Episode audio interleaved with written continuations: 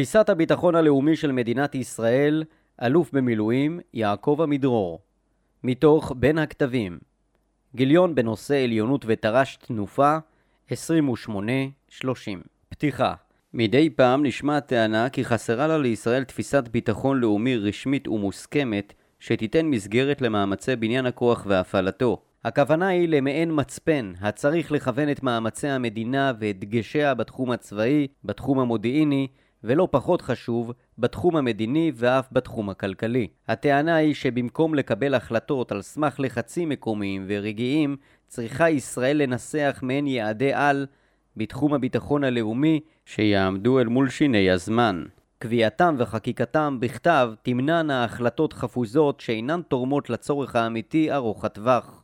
בחלק מהמדינות המודרניות במערב מקובל שממשל חדש מפרסם לאחר הבחירות את תפיסתו על צורכי הביטחון הלאומי, ונייר זה מהווה המסגרת הגורם המכוון לפעילות של גופי הביצוע. כך בארצות הברית מחויב הממשל על פי חוק לפרסם מסמך אסטרטגיית ביטחון לאומי בחתימתו של הנשיא, ומאמץ לא מבוטל מושקע בגיבושו ובניסוחו. מקובל לחשוב שהמסמך הדומה ביותר לכך בישראל נכתב על ידי ראש הממשלה הראשון דוד בן גוריון, אך הרצאתו בפני הקבינט באוקטובר 1953 הייתה אמנם בגדר סקירה מקפת של המציאות הביטחונית ושל השלכותיה, כולל בממד החברתי והרעיוני, אך במהותה לא חרגה מגדר הערכת מצב רב-שנתית אישית. מאז לא יצא לאור נייר שכזה, אם כי היו כמה ניסיונות לגבש משנה סדורה, ועדות שהתמנו כדי לכתוב תפיסת ביטחון אינטגרטיבית ברמה הלאומית, הגישו מסמכים אך לא זכו לאישור קבינט. גם אסטרטגיית צה"ל שגובשה ביוזמת הרמטכ"ל ב-2015 לא קיבלה גושפנקה של הדרג המדיני, גם אם חותמה ניכר בפועל בבניין הכוח ובהפעלתו, בדגש על המושג המערכה שבין המלחמות, מב"ם. לאחרונה פורסם שראש הממשלה בנימין נתניהו ניסח בסוף 2018 תפיסת ביטחון שכזו, וחלקים ממנה אף פורסמו, אך ללא ציטוט ישיר ממנה. בערב ראש השנה תש"פ הוציאו הרמטכ"ל לשעבר גדי איזנקוט ודוקטור גבי סיבוני נייר ארוך המסביר את אתגרי ישראל וההצעה כיצד להיערך איתם, אך אין זאת תפיסת ביטחון סדורה. נייר זה הוא תמצית של מה שנתפס למיטב שיפוטי כתפיסת הביטחון הלאומי של מדינת ישראל במהלך השנים האחרונות. תפיסה ששורשיה נעוצים בתקופה שמיד אחרי מלחמת העצמאות החל משנות החמישים של המאה הקודמת ואחריתה בימינו אלה ממש.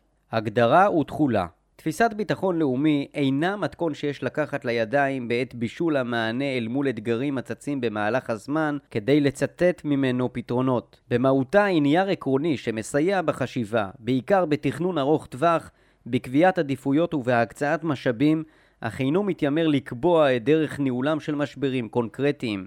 כאמור לישראל אין נייר כזה, אך בה בעת ניתן לקבוע כי לאמיתו של דבר קיימת בישראל תפיסת ביטחון לאומי שהיא בבחינת תורה שבעל פה. גם אם אינה פורמלית, היא משותפת לרוב מקבלי ההחלטות לדורותיהם, עם הדגשים הייחודיים לכל ממשלה בעיתה, כנובע מהמציאות המשתנה ומתפיסת עולמו של ראש הממשלה. תפיסת הביטחון במובנה המובהק אמורה לתרום לחשיבה ולמעשה בהיעדרו של פתרון מדיני ולצאת מתוך הנחת עבודה שהמאמצים וההסדרים המדיניים מאבדים את משמעותם נוכח שימוש בכוח או איום בשימוש בכוח על ידי האויב, יהא אשר יהא. לכן המאמצים או ההסדרים המדיניים לכשלעצמם אינם חלק מתפיסה זו. יחד עם זאת, התפיסה ונגזרותיה אמורות לשרת את תהליך קבלת ההחלטות בעת המשא ומתן על הסדרים מדיניים, מה שמכונה הסכמי שלום.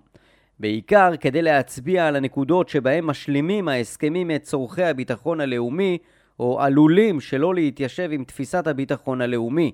אין במצב שכזה הכרח לפסול את ההסכמים, אך יש להיות מודע לנקודות חולשה שכאלה. המכשיר העיקרי למימוש תפיסת הביטחון הוא צה"ל, אך ודאי שאין הוא בלעדי. בצידו יש חשיבות גדולה מאוד לקהילת המודיעין הישראלית, בעיקר המוסד והשב"כ, ולגורמים נוספים כגון הוועדה לאנרגיה אטומית, סוכנות הסייבר הלאומית, המשטרה ושירותי ההצלה. במובנים רחבים יותר, גם משרד החוץ ומשרדי ממשלה אחרים המשפיעים על מעמדה של ישראל ועל קשריה המדיניים והכלכליים, אמורים להטמיע את המרכיבים הרלוונטיים של תפיסת הביטחון ולאורם לעצב את מהלכיהם. יתר על כן, במצבים המורכבים של העולם המודרני, כדי להשיג את התוצאות הנדרשות לשם קידום האינטרסים של המדינה, חיוני להגיע לשיתוף פעולה אמיץ ומתמשך בין מרכיביה של קהילת הביטחון הלאומי במובנה הרחב האפשרי, ודאי שבין המלחמות, אבל במידה רבה גם במהלכן. במציאות המורכבת של עולם הביטחון הלאומי, אכן יש מהלכים לא צבאיים שנכון ושצריך להסתייע בהם כדי להשיג את מטרותיה של מדינת ישראל.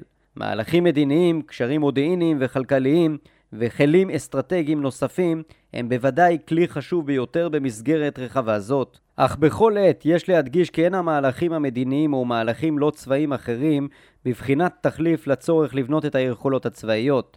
זאת כדי לאפשר את ההתמודדות עם מצבי סיכון הנובעים מכוונת האויב להוציא לפועל מהלכים שעיקרם הפעלת כוח צבאי ואחר נגד מדינת ישראל ואזרחיה.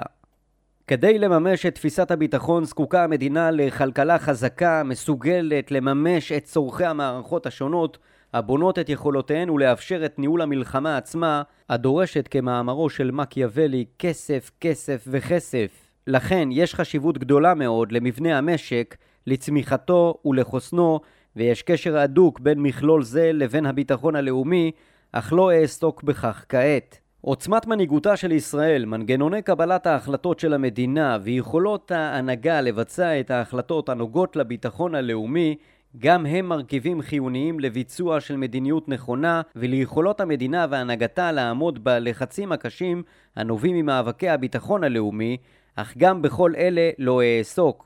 לצורך הדיון, ההנחה במאמר זה היא שמתקיים תהליך קבלת החלטות סדור של מנהיגות הנוקטת גישה הגיונית מתוך שאיפה אמיתית להגן על צורכי מדינת ישראל. באותה מידה יש חשיבות עצומה לחוסנה של החברה הישראלית ובמיוחד ליכולתה לעמוד בלחצים שטומנים בחובם אתגרי הביטחון הלאומי, בעיקר בעת לחימה, הדורשת הקרבה לא מעטה. על אף הקשר הבא להינתק בין חוסנה של החברה ובין יכולת המדינה להתמודד עם אתגרי הביטחון הלאומי, גם בכך לא אעסוק במאמר זה, שעניינו תפיסת הביטחון במובנה המובהק ביותר. יש הטוענים כי נכון להקדים להגדרת תפיסת הביטחון הלאומי את מכלול הערכים והאינטרסים הבסיסיים של המדינה כדי שיובן על מה אמורים כוחות הביטחון להגן ומהן הסכנות שיש למנוע. החלטתי להימנע מכך בנייר זה בהנחה שגם אם יש ויכוחים לא פשוטים על ערכי מדינת ישראל ועל האינטרסים שלה, הרי שבעבור החלק הארי של החברה היהודית במדינת ישראל, אלה שרוצים בשמירתה, ברווחתה ובקידומה של מדינת הלאום של העם היהודי כמדינה דמוקרטית בארץ ישראל, הערכים והאינטרסים היותר בסיסיים די ברורים ומוסכמים. נראה שיש צורך בעבודה נפרדת שבה ינותחו כל אותם נושאים שהזכרתי ושלא ינותחו כאן. עבודה זאת תניב מסמך יסוד שיגדיר את מהות העוצמה הלאומית של מדינת ישראל, בנייתה, שימורה וקידומה, ותהיה זאת שכבה עליונה, אסטרטגית, מדינית ופוליטית, רחבה יותר מתחום העיסוק של הנייר להלן. בעבודה שכזאת, תפיסת העולם הפוליטי תבוא לידי ביטוי רחב הרבה יותר מאשר בנייר המוצג כאן, העוסק כאמור רק בתחומי הביטחון הלאומי, במובן הצר של המושג, שהוא כשלעצמו חלק חשוב בעוצמתה הלאומית של המדינה. מתפיסת הביטחון הלאומי צריכה מערכת הביטחון לגזור את העקרונות המנחים לבניין הכוח ולהפעלתו. הדברים נכונים לכל גופי הביטחון, וצה"ל בראשם, אך גם לכלל מרכיבי קהיליית המודיעין, הוועדה לאנרגיה אטומית, סוכנות הסייבר, הגופים הכפופים למשרד לביטחון פנים, ובמידה מסוימת גם למשרד החוץ ולמשרדים אחרים שעוסקים בנושאים הנוגעים לתחומי הביטחון הלאומי. כך תיווצר מעין פירמידה שבסיסה תפיסת עולם בעלת גוונים רעיוניים מובהקים שתגדיר את מטרותיה ואת עוצמתה של מדינת ישראל במונחים של זהות לאומית, שאיפות, ערכים, כלכלה ומנגנוני קבלת החלטה, כמו גם את דרכי הפעולה העקרוניים להשגתם של צרכים אלה, ומכאן שתהיה פוליטית במהותה. מעליה ועל בסיסה תבוא תפיסת ביטחון לאומי שתגדיר את אופן ההתמודדות של המדינה עם איומים שעיקרם שימוש בכוח נגדה. כנגזרת מתפיסה זאת ובהתבסס עליה, יעמידו גורמי הביצוע השונים במערכת הביטחון ומחוץ לה את אסטרטגיית הפעולה שמטרתה ליישם בתחומי בניין הכוח ובהפעלת הכוח, עת שנדרש על פי שתי התפיסות הראשונות והקודמות לה בהיררכיה. תפיסת הביטחון הלאומי מטרת המסמך המסמך להלן בא להציג את מה שלדעתי תפיסת הביטחון הלאומי הראויה שרובה כאמור כבר מקובלת כתורה שבעל פה. מכאן גם עולה שאין בהכרח חידושים רבים במאמר זה, שתכליתו בעיקר לעשות סדר בתחום ולהציב דגשים שונים בחלק מהנושאים. תפיסת הביטחון הלאומי אמורה לקבוע את כללי הגישה לבניין היכולות הנדרשות למדינה, בניין הכוח, ולהפעלתן של יכולות אלה, הפעלת הכוח, מול איומים של שימוש בכוח ושימוש בו בפועל נגד מדינת ישראל ואזרחיה על ידי מדינות, ארגונים ואנשים בודדים. עובדות יסוד תפיסת הביטחון הלאומי של ישראל לוקחת בחשבון בבסיסה שלוש עובדות. א', ישראל פועלת במצב אסימטרי חריף בנושאים כמותיים כבדי משקל. היא תסבול לעד מפער בין גודל האוכלוסייה שמתגוררת בישראל, ודאי זאת הרלוונטית לנסיעה בנטל הביטחון הלאומי, לבין גודל האוכלוסייה במדינות שסביבה, שהיו כולן וחלקן הגדול נותרו עוינות לעצם קיומה. היא תהיה תמיד מדינה קטנה בשטחה, ולכן רגישה מאוד לכל כיבוש שטח וירי תלול מסלול, מה שאינו נכון לרוב שכניה, והיא עומדת בודדה בזירה הבינלאומית, כפי שהדבר בא לידי ביטוי באו"ם, כמדינה יהודית יחידה, אל מול גוש ערבי בין 22 מדינות או קבוצה אסלאמית בת 57 חברות. ב. ישראל אינה יכולה להגיע לברלין של המזרח התיכון. קרי, להביא במלחמה להכרעה מוחלטת כמו בעלות הברית ב-1945, שתביא לשינוי התרבות הפוליטית של האזור בכל הקשור ברצונן של מדינות וארגונים ובתפיסות עולם מובילות במרחב, להביא להשמדתה של מדינת ישראל. המשמעות היא שאין מלחמה שניצחון בה יבטיח שמדינת ישראל לא תעמוד בפני איום עתידי לקיומה. יתר על כן, ההפסד הראשון של ישראל במלחמה יהיה כנראה גם האחרון, ודאי אם שטחה יישלט על ידי כוח ערבי או אסלאמי, מה שאין כן לגבי אף מדינה ערבית שישראל תכבוש את שטחיה. לכן נגזר על ישראל להתכונן למלחמה הבאה בתום כל מלחמה שהיא תנהל, מוצלחת ככל שתהיה, ובמהלך המלחמה עליה לקחת בחשבון שאסור לה בשום פנים להפסיד. אין לצה"ל לאן לסגת בניגוד מוחלט לאויביו, זאת אסימטריה חריפה ביותר, במובן האיכותי העמוק, והיא בעלת השפעה גדולה על הפעלת הכוח, כמו גם על בנייתו. ג. מרכז הכובד האסטרטגי של ישראל מרוכז במרחב גיאוגרפי צר סביב תל אביב והוא קרוב מאוד לגבולות המדינה, 25 קילומטר מהקו הירוק ו-70 קילומטר מהירדן.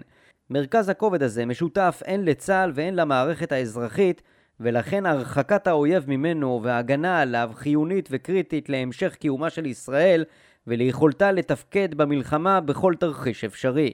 שמירת יכולת העברת כוחות הצבא מחזית לחזית חיונית ליכולתה של ישראל להגן על עצמה וממנה נגזר הצורך להבטיח את חופש התנועה על הצירים במרכז המדינה בכל תנאי ומקנה עוד חשיבות למרחב צר זה. מעבר לכך, בגלל קוטנה, אין במדינת ישראל יתירות בתחומי תשתית קריטיים, ולכן יש לה נקודת חולשה של ממש בתחום זה. בעידן הנשק תלול המסלול, הקושי בהגנה על המרכז האסטרטגי וחולשת היתירות של מערכות התשתית בולטים שבעתיים. עקרונות התפיסה, לאור העובדות שלמעלה וגורמים נוספים, לקחים היסטוריים למשל, הוצבו במדינת ישראל כמה עקרונות המשמשים נר לרגלי מקבלי ההחלטות בתחומי הביטחון הלאומי בבחינת תורה שבעל פה.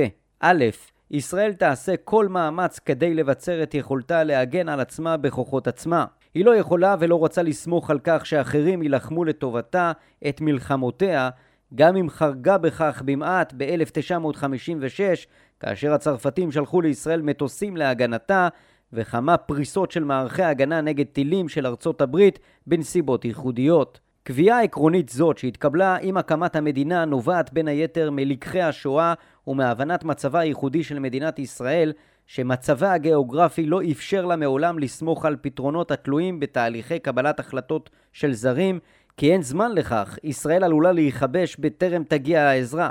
לכך יש להוסיף את המסר העקבי של ישראל מול העולם בכלל וארצות הברית בפרט שלא כמו עמי אירופה לא נבקש ביוזמתנו מחיילים זרים, אמריקאים, לסכן את חייהם בהגנה על ישראל. הצירוף של השיקול ההיסטורי, הממד הערכי והצורך המקצועי קיבו במסמרות ברזל את אבן הפינה לתפיסת הביטחון. ישראל נבנית להגן על עצמה בעצמה.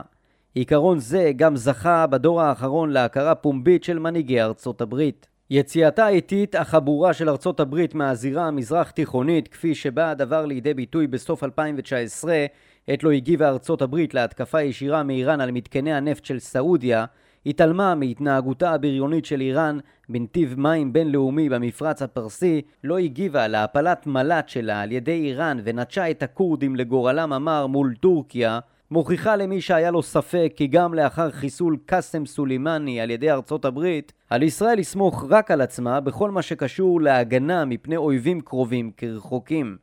ב. ישראל תמצה את כוחה בדרך של גיוס חובה לשם בנייתו של צבא סדיר גדול יחסית לאוכלוסייה שלה ותמצה יכולת לגיוס מהיר של צבא מילואים מאומן המאפשר להביא לשדה הקרב כוח גדול באופן משמעותי אחרי תקופת גיוס קצרה למול תרחישים של מלחמה כוללת עם שכניה. הדבר מחייב שירות חובה ארוך ולאחר מכן שירות מילואים רצוף והשקעה בשמירת כושר הלחימה של כוחות המילואים. כל זאת כדי להתגבר בעת חירום על הפער הכמותי בתחום הדמוגרפי בלא להזדקק לסיוע של צבא זר. ג. ישראל תבנה יכולות מרתיעות בכמה מישורים, הן כדי להעניק כל אויב ממהלכים צבאיים נגדה ומפגיעה בשטחה ובתושביה, והן כדי למנוע מצבי סיכון קיומי. לכן היא תפעל לשמר יתרון ללא עוררין ביכולותיה האסטרטגיות על פני כל אויביה. מה שכונתה לימים דוקטרינת בגין בעקבות פעולת חיל האוויר נגד הכור הגרעיני בעיראק ב-1981 היא חלק בלתי נפרד מתפיסת ההרתעה האסטרטגית. ד. אין כדי להרתיע ואין כדי להתגונן בהצלחה וכדי לתקוף ולהכריע על פי צורך, ישראל תשקיע מאמץ ייחודי לבנייתו של יתרון איכותי.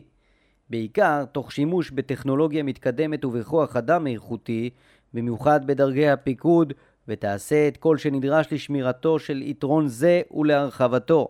לשם כך משקיעה ישראל מאמצים רבים באיתור כוח אדם איכותי, בהכשרתו באופן שיטתי ובהצבתו בתחומים הדרושים לשם חידוד היתרון האיכותי, טכנולוגיה, מודיעין, סייבר, טייסים, חובלים ובמידה מסוימת יחידות מיוחדות.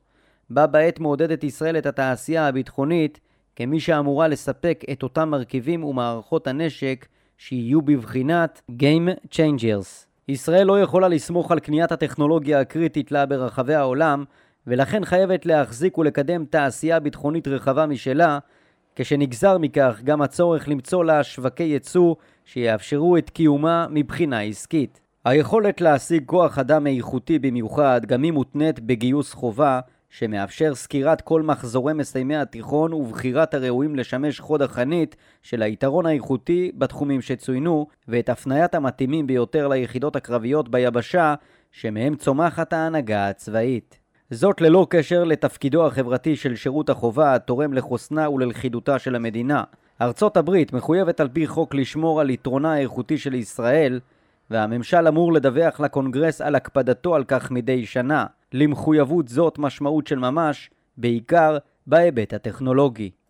ה. Hey, ישראל תבנה מערכי מודיעין גדולים ביחס לגודלה, והם יפעלו בשני מאמצים מקבילים ומשלימים. 1. לשם הבנה טובה של הסביבה, קבלת התראה ארוכה ככל הניתן בפני אירועים וסיכונים העלולים לאיים עליה, ולשם סיכול איומים לפני התרחשותם. 2. בשל העלייה בכמות הנשק המדויק, צריך לוודא שהמודיעין למטרות יאפשר את היכולת לפגוע בדיוק טוב בכמות מטרות גדולה מאוד, למקד את מאמץ האש במקום שבו תהיה השפעתו גדולה ביותר, ולהגדיר את המטרות שאותן יש לתקוף כדי לחולל את הנזק הגדול והמשפיע ביותר על האויב, על פי עדיפויות. מעבר לכך, קהיליית המודיעין מקנה לישראל יכולת לפעול מתחת לרדאר וללא צורך בשימוש בכוח גלוי, לוחמת מודיעין, כדי להשיג הישגים בעיקר במסגרת המערכה בין המלחמות. דחיית מימוש תוכנית הגרעין האיראנית עד כה והפגיעה האנושה ברשת הטרור האיראנית מסביב לעולם הן שתי דוגמאות להישגים שכאלה. ו. מדינת ישראל תפתח את יכולותיה להגנה בסייבר על המערכות הביטחוניות והאזרחיות שלה ואת יכולות התקיפה בסייבר כנגד כל גורם ומדינה הפועל כנגד ישראל במרחב זה. יכולות אלה, ככל שתשתכללנה, מקנות לישראל יכולות מרחיקות לכת מעבר לגודלה הפיזי וכמות אזרחיה, ומעמד בזירה הבינלאומית שניתן לתרגם אותו ליתרונות בסוגיות אסטרטגיות נוספות. ז. שינוי אופיו של האיום על העורף הצבאי והאזרחי של מדינת ישראל בגלל כמות הטילים והרקטות שבידי האויב ומידת דיוקם מחייב שינוי גודל בדגש הניתן להגנה על העורף מפני איום שכזה. לשם כך יש להתמקד בארבעה מאמצים הגנה אקטיבית לעירות הטילים והרקטות, הגנה פסיבית להגנת אוכלוסייה ומתקנים מפני הנזקים שיגרמו בעקבות הפגיעה של טילים אלה, יכולות איתור והשמדה של יכולות השיגור של האויב ככל שניתן, בטרם נעשה בהם שימוש, וההרתעה נובעת מיכולות לפגיעה קשה בנכסי יסוד של האויב ושל הסביבה שמתוכה הוא פועל, המטרה העליונה של כלל מאמץ הגנת העורף, כולל הימי, היא לאפשר את המשך התפקוד של המערכות הצבאיות והאזרחיות בעורף ככל הניתן כבימי שגרה וברציפות. ח. עוצמתה הצבאית של ישראל תיבנה על המרכיבים הבאים שאותם יש לשמר ואף לחזק. 1. מערך אווירי חזק ומודרני המאפשר פעולה נחרצת במעגלים רחבים במזרח התיכון. 2. כוח יבשתי גדול יחסית שיש להפוך אותו לקטלני יותר ולפגיע פחות. 3. חיל ים קטן אך משוכלל ביכולותיו לפעולה ברחבי הים התיכון כולו ובמבואותיה הדרומיים של ישראל מעל ומתחת למים. 4. מערך הגנה רב-שכבתי של העורף, אקטיבי ופסיבי. 5. חימוש מונחה מדויק בכמות גדולה ויכולת ייצור מטרות לשם הפעלת נשק מדויק בהיקף גדול מאוד.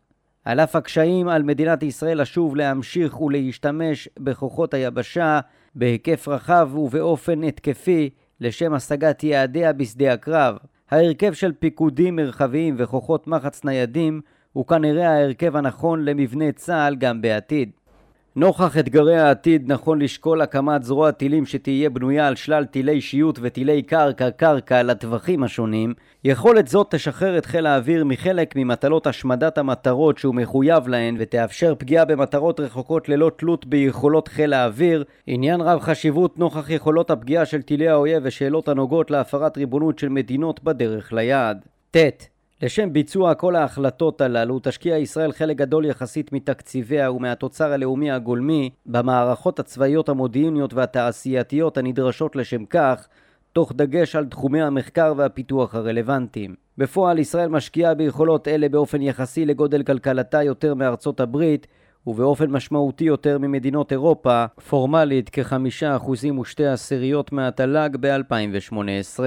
הסיוע הביטחוני מארצות הברית, 38 מיליארד דולר בין השנים 2018 עד 2028, ממשיך להיות מרכיב חשוב במימון צורכי הביטחון, אין לוותר עליו הן בגלל חשיבותו הסמלית, כאיתות לאויבי ישראל באשר לעוצמת מערכת היחסים עם ארצות הברית, והן בשל משמעותו האסטרטגית בבניין הכוח, בחידוש מלאים בעת לחימה ובביצור יכולות צה"ל לאחריה, גם אם כלכלית אפשרי הדבר, ערכו כיום רק כאחוז אחד מהתל"ג של ישראל. השינוי שחל בעת הזאת באופי וברמת הסיכון של כמה איומים יצריך כנראה תגבור של תקציב הביטחון בסכום של כמה מיליארדים בשנה, והדבר יבוא לידי ביטוי בגודלו היחסי כחלק מהתל"ג הישראלי בעתיד. המדובר בין השאר בהגדלת האיום על העורף, הן כמותית והן איכותית, בגלל נשק מדויק יותר ובכמות גדולה בידי האויב, התגברות האיומים ממדינות רחוקות ואיראן בראשן, והצורך לבנות יכולות מתוחכמות להגנה והתקפה בסייבר. איומים אלה יכולים, אם יתממשו, ליצור איום אסטרטגי חמור על מדינת ישראל, בגין האפשרות המתפתחת לשבש את יכולת הלחימה של צה"ל ואת המשכיות תפקוד העורף בישראל. לאור זאת תיאלץ ישראל לשפר כמה יכולות קריטיות בתחומי ההגנה וההתקפה במחיר כלכלי נוסף. י. כמדינה בעלת שולי ביטחון צרים ביותר, מדיניותה של ישראל חייבת להיות שקולה וזהירה. כך למשל ישראל תימנע מלהיסחף למלחמות לא הכרחיות, היא תחליט רק בלית ברירה לצאת למלחמת מנע כדי להימנע מסכנות גדולות יותר בעתיד, והיא תנקוט במדיניות זהירה בהקשר הביטחוני גם אם לשם כך יהיה עליה לוותר על האפשרות להגיע להישגים גדולים יותר כתמורה ללקיחת סיכון גבוה יותר. זהירות עדיפה על הימור. הוא הכלל הנכון ברוב המקרים למדינה קטנה, וכזאת היא ישראל. עם זאת, על ישראל להיות ערה להזדמנויות הנקרות בדרך, בעיקר סביב שינויים גדולים או משברים עמוקים, ולנצל מצבים שכאלה גם אם ההצלחה אינה מובטחת. האיזון המורכב בין זהירות לניצול הזדמנות הוא המרכיב האיכותי והקשה בתהליך קבלת ההחלטות, ומורכבות זאת מחייבת להשקיע לא מעט אמצעים בבניין הכוח, גם בעיתות רגיעה. י"א ישראל תרחיק את המלחמות מגבולותיה, הן על ידי קביעת גבולות צבאיים או משטרי ביטחון מחייבים היוצרים אזורי חיץ מעבר לשטחה הריבוני, והן על ידי העברת המלחמה לשטחי האויב באותם אזורים שבהם הגבול קרוב למרכז האסטרטגי שלה. על ישראל לשאוף לכך שגבולותיה יהיו גבולות בני ההגנה, קרי כאלה שניתן על בסיסם, בעזרת הכוח הסדיר של צה"ל בלבד, לבלום כל מתקפה של כל קואליציה עוינת, עד לגיוס מילואים לשם כך. בניגוד לסברה שלפיה אין לשטח משמעות בעידן הטילים, המרכיב הגיאוגרפי בתפיסת הביטחון חשוב ביותר, ודווקא בעידן הטילים. הוא נובע מכך שכאמור מרכז הכובד האסטרטגי של מדינת ישראל מרוכז במרחב צר סביב תל אביב ומכך שבעידן הטילים יש חשיבות למרחב שבו ניתן לפרוס מערכות תשתית כמו גם למרחק מטרות התשתית והאוכלוסייה האזרחית מאזור שיגור הרקטות והטילים זמן להתראה ולעירות. י"ב בעת מלחמה צריך צה"ל בסיוע קהיליית המודיעין להיבנות לפעול באופן התקפי בשתי זירות נפרדות במקביל ובטור, קרי להגן על מדינת ישראל מכל עבריה, בים, ביבשה ובאוויר. עליו לעבור להתקפה בגזרה משמעותית אחת, כיום למשל בגזרת הצפון הכוללת את לבנון וסוריה, ובטרם הסתיימה ההתקפה לעבור גם להתקפה בגזרה השנייה, עזה. חיל האוויר צריך להיבנות להשמדת אלפי מטרות ברצף בטווחים שאינם מחייבים תדלוק באוויר, להשמדת מטרות איכות מוגדרות במעגל שלישי, להיערך לפגיעה במטרות איכות בודדות בטווחים העולים על מרחק זה. חיל הים צריך לאפשר תנועה בטוחה בנתיבי הים התיכון, למנוע איומים מהים, למלא את משימתו כחלק ממערך ההרתעה האסטרטגי של מדינת ישראל. י"ג ברור שלאחר כל סבב לחימה יהיה ניסיון נוסף לתקוף את ישראל, לפיכך אחת המטרות בכל סבב כזה היא לסיים את הלחימה באופן שדוחה ככל הניתן את הסבב הבא. הישג זה יתאפשר ויושג אם הצד השני יבין כי צפויה לו מכה כואבת שבעתיים בפעם הבאה בעקבות הנזק הברור שנגרם לו תוך כדי הלחימה. באופן תאורטי, הרתעה שכזאת ניתנת להשגה, אך היא חמקמקה ואין דרך להבטיח את הצלחתה. ראה המלחמה שפרצה שש שנים אחרי מלחמת ששת הימים, המוצלחת במלחמות ישראל, ויש שיצביעו על כך שמהלומות צבאיות מצריות החלו כבר בספטמבר 1967 עם הטבעת המשחטת אילת. הישג שיכול להביא לדחייה ארוכה של המלחמה הבאה הוא הצלחתו של צה"ל להשמיד את המערכות הצבאיות של האויב ותשתיותיו באופן יסודי ורחב ככל האפשר. במקרה מעין זה יתקשה האויב לבנות את יכולותיו, אלא אם מערכות חדשות תסופקנה לו על ידי מדינה שלישית, מהר וללא תמורה, וכידוע, השתנו הזמנים וסיוע כזה רחוק מלהיות מובטח.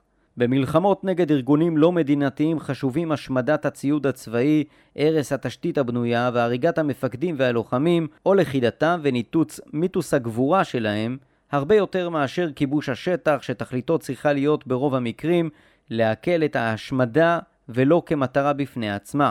לכן השאיפה בהתמודדות בעתיד אל מול ארגוני הטרור וארגונים היברידיים, קרי שיש להם גם מאפיינים צבאיים, צריכה להיות השמדה של כל המערכות הצבאיות במובן הבסיסי של המושג.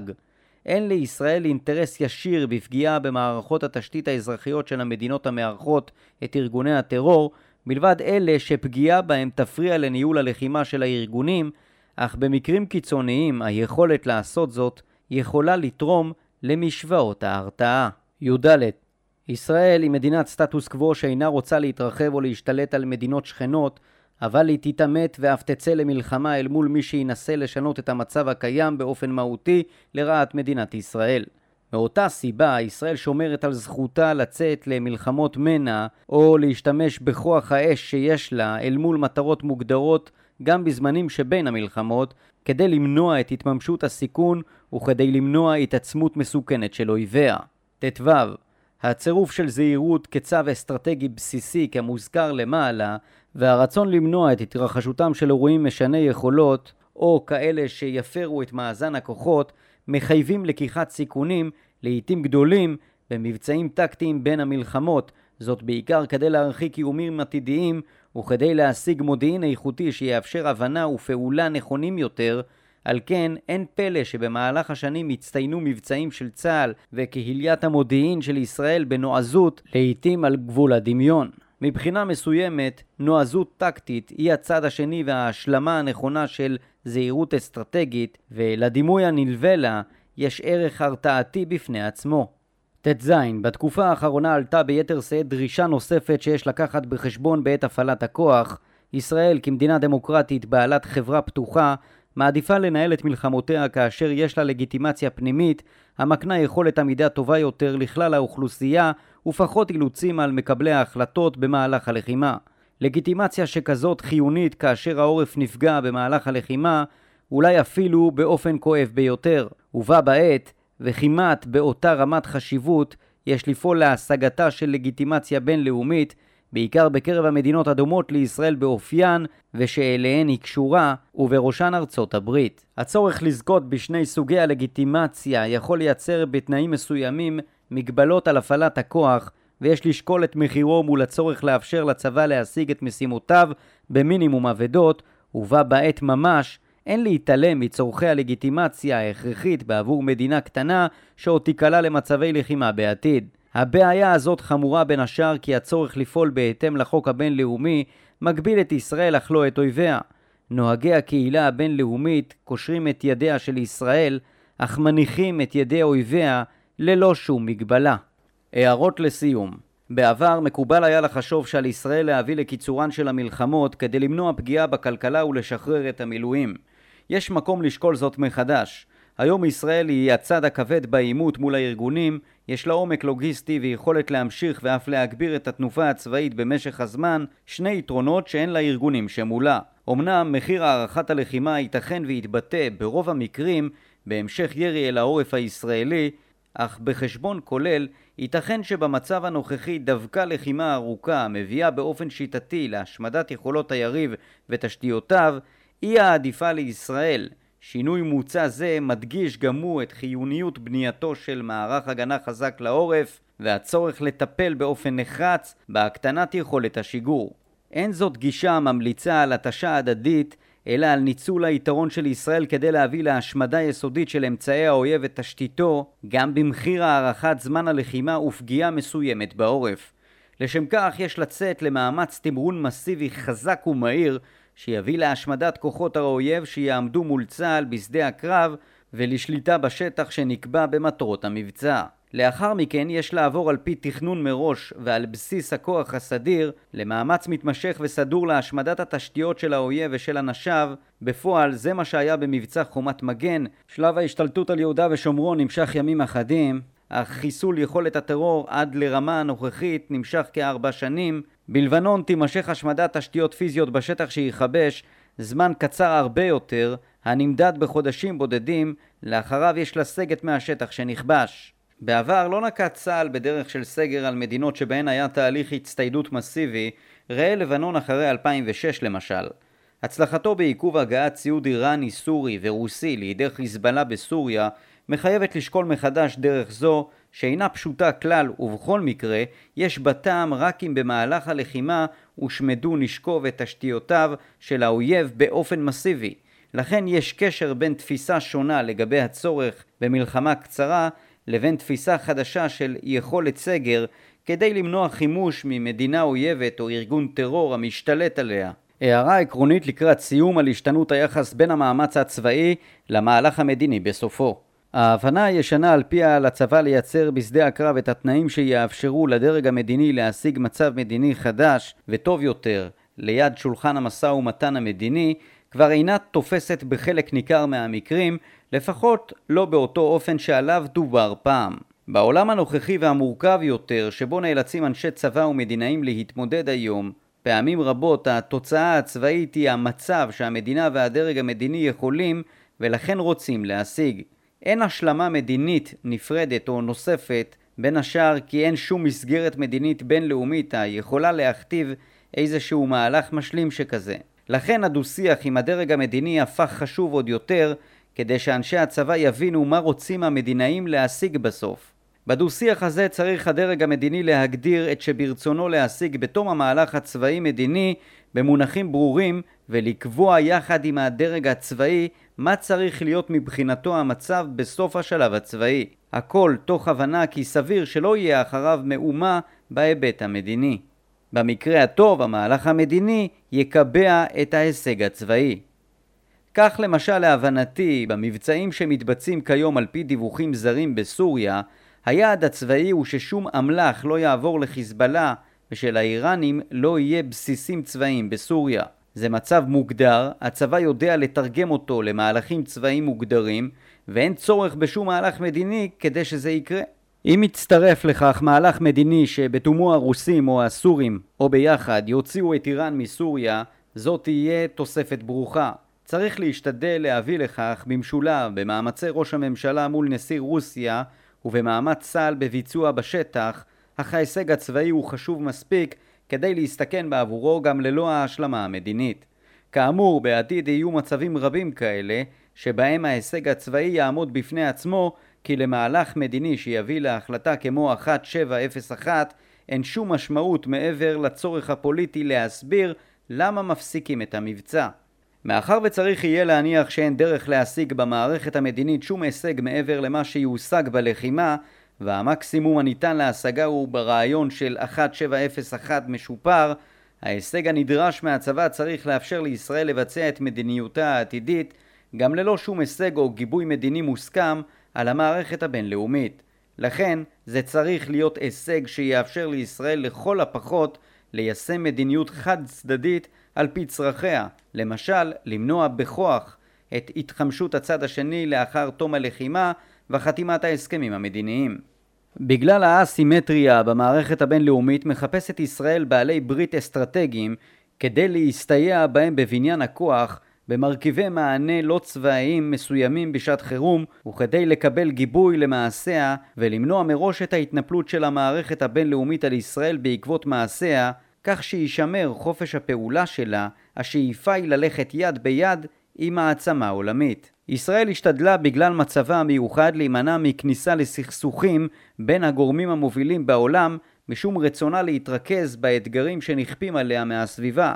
עם זאת, בן גוריון לא היסס לבחור בברית עם המערב כאשר פרצה מלחמת קוריאה ב-1950 ובוודאי יש כיום בישראל הבנה רחבה כי אין תחליף ליחסיה עם ארצות הברית, בת בריתה מאז סוף שנות ה-60 של המאה ה-20. על כן יש לעשות ככל שניתן לשמור את היחסים עם ישראל כעניין על-מפלגתי בארצות הברית, לבצר את הקשר האסטרטגי עם יהדות צפון אמריקה לגווניה השונים, הריכוז הגדול ביותר של יהדות הפזורה, ולקחת בחשבון את האינטרס האמריקאי בעת קבלת ההחלטות גם אם פועלים בניגוד לו מסיבות חשובות אחרות. בה בעת על ישראל ליצור יחסי עבודה עם מדינות אחרות במטרה להרחיב את מעגל המדינות המבינות את מדיניותה ואשר לא תצבענה נגדה במוסדות הבינלאומיים השונים. דגש מיוחד ניתן ויינתן בעתיד ליחסים עם מדינות המסייעות בביצור כלכלת ישראל ובחלק מהמקרים גם בשיפור מצבן של התעשיות הביטחוניות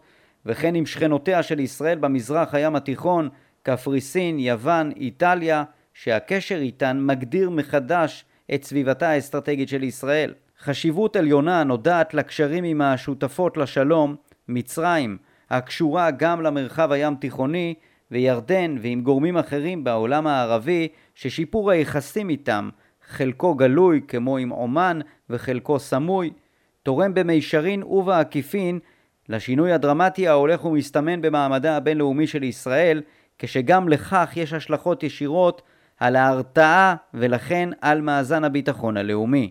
בישראל אין הסכמה בעניין שאלה חיונית במסגרת תפיסת הביטחון הלאומי. מהם גבולותיה המזרחיים של המדינה ומה היחס לפלסטינים היושבים ביהודה ושומרון ואפילו עזה, אם כי אלה נראים לרוב הגדול כמי שלא יוכלו להיות חלק ממדינת ישראל.